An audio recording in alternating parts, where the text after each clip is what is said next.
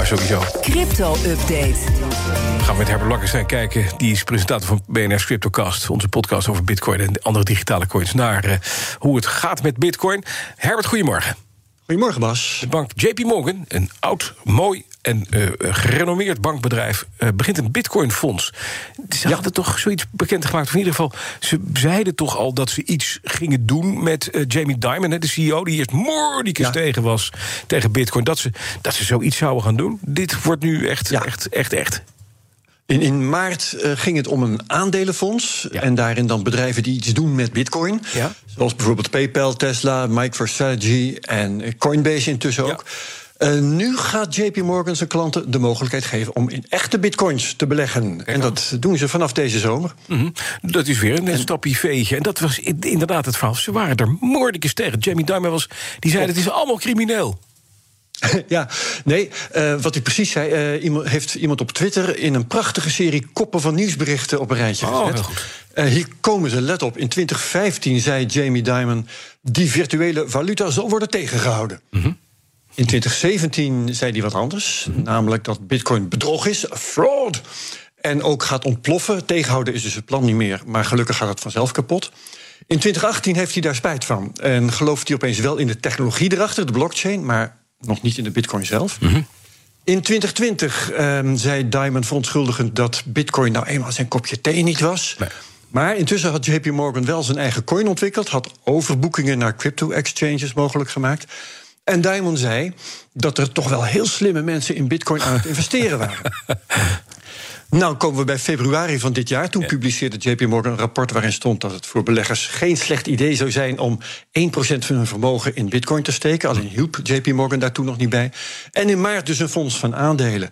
En nu is JP Morgan eindelijk om. Ja, is ongelooflijk. Zijn er meer banken die nu gaan volgen, denk je? Ja, mij lijkt dat onvermijdelijk. Um, en het leuke vind ik, we hebben nu dus een schaal van zeven stappen, zeg maar de JP Morgan route van acceptatie. Ja. En nu kun je van elke bank in kaart brengen waar die staat. En dan zie je dat de Rabobank bijvoorbeeld bij stap 3 uh, vooralsnog is blijven hangen. Bitcoin is niks, maar blockchain vinden we geweldig. Dat is niet meer de ontkennende fase, maar wel de fase van de excuses. Ja. Robeco is bij stap 5, de fase van het onderhandelen. Want die publiceerde onlangs een rapport twee weken geleden. 1% van je vermogen in bitcoin kunnen we niet echt meer afkeuren, maar wij doen het niet voor je. Ja. En een bedrijf als PayPal is al lang bij stap 7, dat is bitcoins te koop. Die zijn al verder. En de staat Louisiana in Amerika. Hè, dat is toch een vrij conservatieve staat. Is voorstander van bitcoin? Ja, dat is heel bijzonder. Ja. Het Huis van Afgevaardigden in Louisiana heeft een motie aangenomen met allemaal taal waarvan je denkt, die is door hardcore crypto-fans geschreven. Ja. Bitcoin wordt gefeliciteerd omdat het de eerste gedecentraliseerde financiële waarde is van 1000 miljard, miljard dollar aan waarde. -huh. Staten en lokale overheden worden aangemoedigd er gebruik van te maken. Bitcoin zou goud kunnen vervangen als monetaire vluchthaven. Zo.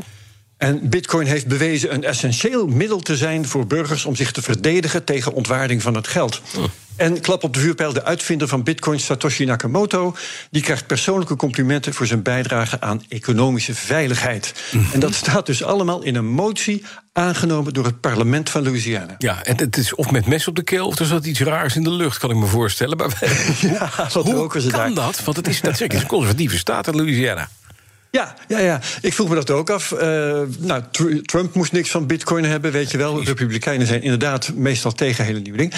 Ik heb even gevraagd bij Bernard Hammelburg... en onze buitenland-expert... en die vermoedt dat hier de afkeer van de overheid het wint. Ik kan. En dat, ja, dat klopt met mijn idee dat je onder Republikeinen... en onder bitcoin-fans uh -huh. redelijk wat van die libertariërs vindt, weet je wel. Die overheid het liefst zouden afschaffen. Uh -huh. Dus zoiets moet het zijn, maar het is wel heel grappig. Absoluut, in Louisiana. Dan even, wat zit er in de CryptoCast morgen? We gaan beleggen niet in bitcoin, maar juist in altcoins. En we hebben daar twee experts voor, Marcel Burger en Alfred Prevot. Vragen, is dat wel verstandig, beleggen in van die kleinere coins? Hoe vind je goede kandidaten? Hoe beheers je de risico's? Het is voor de dappere, morgen eind van de middag is hij voor consumptie gereed. Dankjewel, Herbert Blankenstein. Alle afleveringen van de CryptoCast te beluisteren via de BNR-app, bnr.nl... of je favoriete podcast-app. De crypto-update wordt mede mogelijk gemaakt door Amdax. Het handelshuis voor de serieuze crypto